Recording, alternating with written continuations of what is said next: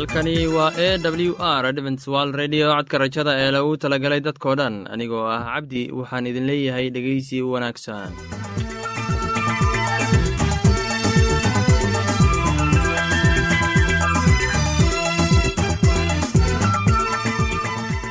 barnaamijyadeena maanta waa laba qaybood. Qaybta koowaad waxaad ku maqli doontaan barnaamijka caafimaadka. Kadib waxaa inoo raaci doonaa cashar inaga imid bugga nolosha. Barnaamijyadeena maanta si wanaagsan u dhegeysan doontaan haddii aad qabto wax su'aal ama tala. Iyo tusaale fadlan inala soo xiriir dib ayaynu kaga sheegi doonaa ciwaankayagu balse intaynan u guudagelin barnaamijyadeena xiisaa leh waxaad marka hore ku soo dhowaataan heestan daabacsan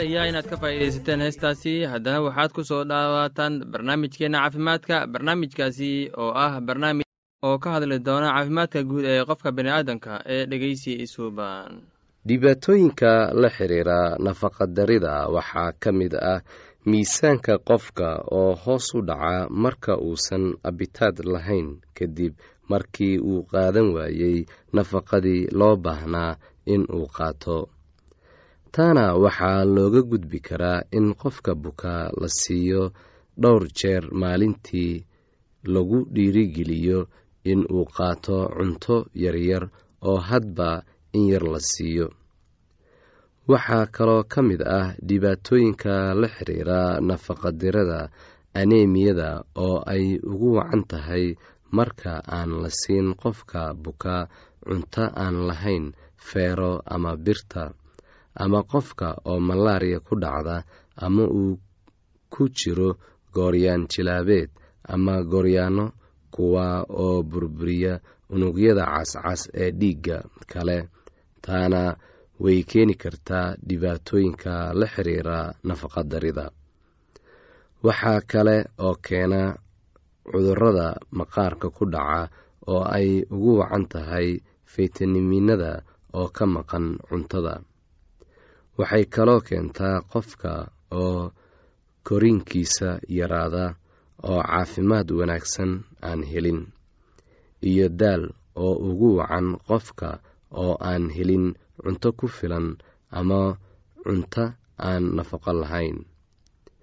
Waxaa kale oo iyana ka mid ah qofka buka oo qaad cuna isagoo ku dhafra ama geerishaynta oo kale taa midda ugu daran ayay tahay waayo qaadku wuxuu qofka ka xiraa abiteydka wuxuuna u horseedaa qofka buka in uu waxyaabo kale uu sameeyo. Haddaba waa in laga waaniyaa in uusan wax muqaadaraad ah isticmaalin ama uusan dhafrin waayo wuxuu jidhkiisa u baahan yahay in uu nasto oo uu qaato raashin nafaqo wanaagsan leh. Waxaad mararka qaar arkaysaa qof buka oo haddana aan inaba u tarin naftiisa isagoo isticmaalaya muqaadaraad cunto dheef lehna aan cunin. Qofka qabaa h i v aidiska waxaa laga yaabaa in ay dhibayso cunto cunidda ama uu u baahan yahay in la siiyo cunto kala duwan oo uu ka heli karo nafaqooyin. Haddii qofka bukaa uu shubmayo si cunto jilicsan cunto la tumay oo aan u baahnayn calalis si uu si fudud ugu luqo waa in aad siisaa maalintii shan jeer cunto yaryar oo marba in la siiyaa sidoo kale waa in la siiyaa qofka bukaa cabitaan fara badan si uu jidhkiisa u helo dheecaankii ka baxay siba marka uu aad u shubmayo sida juuska oo kale. Maraqa shaaha iyo biyaha iyo biyo lagu qasay milix iyo sokor ayaa loo baahan yahay in la siiyo qofka shubmaya ee dhecaan baxaya. Haddii qofka ay labalaba ay hayso. Raalli naga ahaada waxaan ka wadnaa haddii qofka uu labalaboonayo waa in aad siisaa in yar oo cabitaan ah ama maraq ah adigoo hadba ka basiinaya. Sidoo kale waxaa loo baahan yahay in aad liinta dhanaan aad in yar siiso si ay uga joogsato labalabadii aroortii waxaad siin kartaa rooti qalalan ama buskad. Waxaad siisaa mar walba cunto dhadhan halka aad ka siin lahayd mid macaan si uusan u labalaboon. Waxaad ka ilaalisaa cuntada dufanka leh yuusan seexan isla marka uu wax cuno.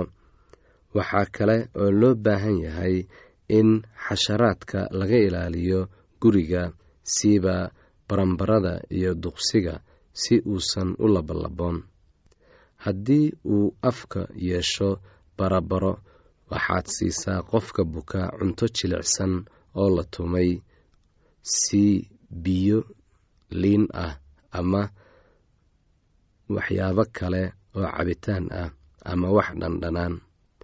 Ha siin cuntada sokorta leh ama caanaha sokorta ee aadka ugu badan tahay haddii uu afka xanuun yeesho ha siin qofka bukaa waxyaabaha kulul sida bisbaaska ama shaaha kulul. Kana ilaali cuntada adag ee u baahan in aad loo calaaliyo. Ka ilaali cuntada aadka u kulul laakiin ku fiiri inuu cuni karo cunto qabow in afka uu dareenka uu ka tago iyo in kale ka taxadir ilkaha iyo afkaba.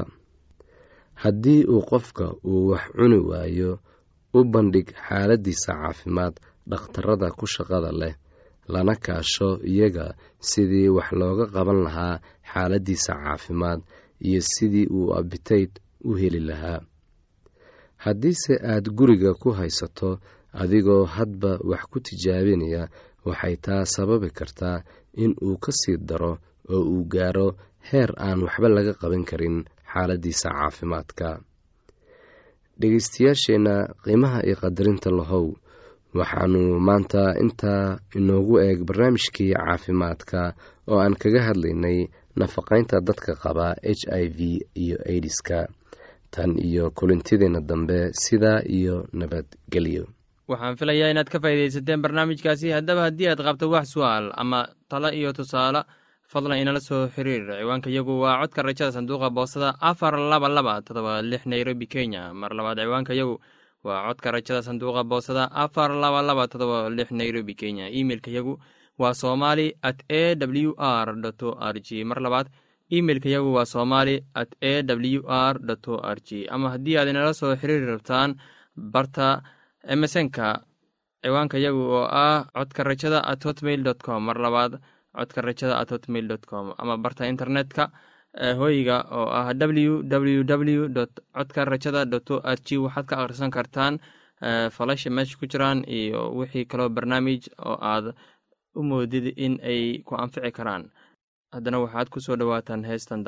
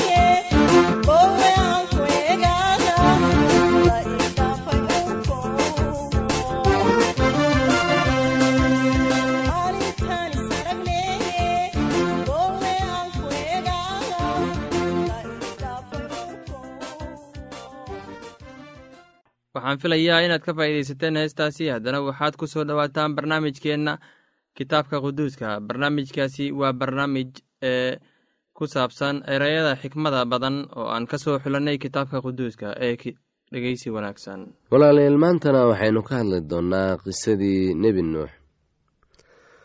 Waxayna noqotay markii ay bilaabatay in dadku ku bataan dhulka oo ay gabdho u dhashaan in wiilashii ilaah arkeen gabdhihii dadku inay wanaagsan yihiin oo ay guursadeen in allah intay doorteen oo dhan.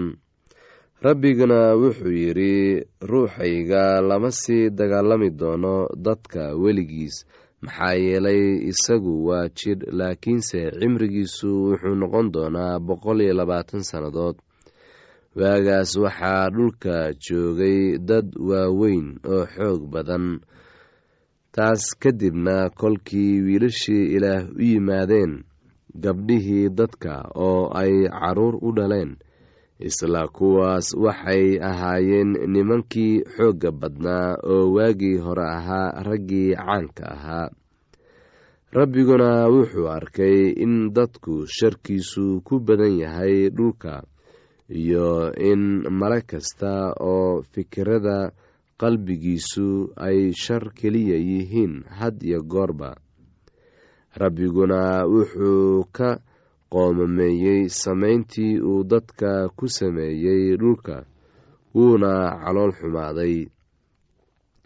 Oo rabbiga wuxuu yidhi waxaana dhulka ka baabi'in doonaa dadka aan abuuray dadka iyo weliba dugaagga iyo waxaa gurguurta iyo hadda hawada. Maxaa yeelay waan ka qoomamooday samayntii aan sameeyey iyaga laakiin rabbigu nuux raalli buu ka ahaa. Kuwanu waa farcankii nuux. Nuux wuxuu ahaa nin xaq ah oo ku eed la farcankiisii nuuxna ilaah buu la socon jiray oo nuux wuxuu dhalay saddex wiil oo ahaa sheem iyo xam iyo yaafed dhulkuna wuu qaribnaa ilaah hortiisa dhulkana dulmi baa ka buuxsamay. Ilaahna wuxuu arkay dhulka oo bal eeg wuu qaribnaa waayo intii jir lahayd oo dhammo jidkooday ku qaribeen dhulka oo ilaah wuxuu nuux ku yidhi intii jir leh oo dhan dhammaadkoodii aan dhammayn lahaa ayaan gaaray waayo dhulkii waxaa ka buuxsamay dulmi iyaga ka yimid oo bal eeg iyagan dhulka la baabi'in doonaa. Dooni ka samayso qoryo gofer ah qolaadana ka dhex samee doonida. Dumarna daamurna ka mari dusha iyo hoostaba waa inaad sideetan sida tan u samaysid iyada. Doonida dherarkeeda waxaad ka dhigtaa saddex boqol oo dhudhun. Ballaarhkeedana waxaad ka dhigtaa konton dhudhun. Sarajooggeedana waxaad ka dhigtaa soddon dhudhun. Waa inaad dariishadna u samaysid doonida oo waxaad ku dhammaysaa in dhudhun ah ilaa xaggeeda sare. Albaabka doonidana dhinaca ka samee dabaqad hoose iyo tu labaad iyo tu saddexaadna u samee iyada. Oo bal eeg anigu daad biyo ah baan ku soo dayn dhulka inaan baabi'iyo inta jidhka leh oo dhan oo neefta nolosha ku jirto. Inta samada ka hoosaysa wax kasta oo dhulka joogaaba way dhiman doonaan. Laakiin axdigayga adigan kula dhigan doonaa oo doonidan soo geli doontaan.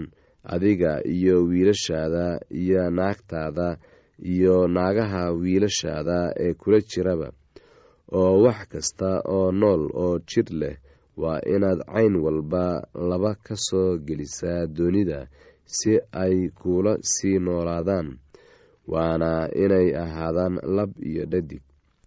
Haadda caynkooda iyo xoolaha caynkooda iyo wax kasta oo dhulka gurguurta caynkooda cayn walba laba ka mid ahi ha kuu soo galeen si ay u sii noolaadaan cuntada la cuno oo dhanna qaado oo kulligeed ururso oo waxay idiin noqon doontaa cunto adiga iyo iyagaba.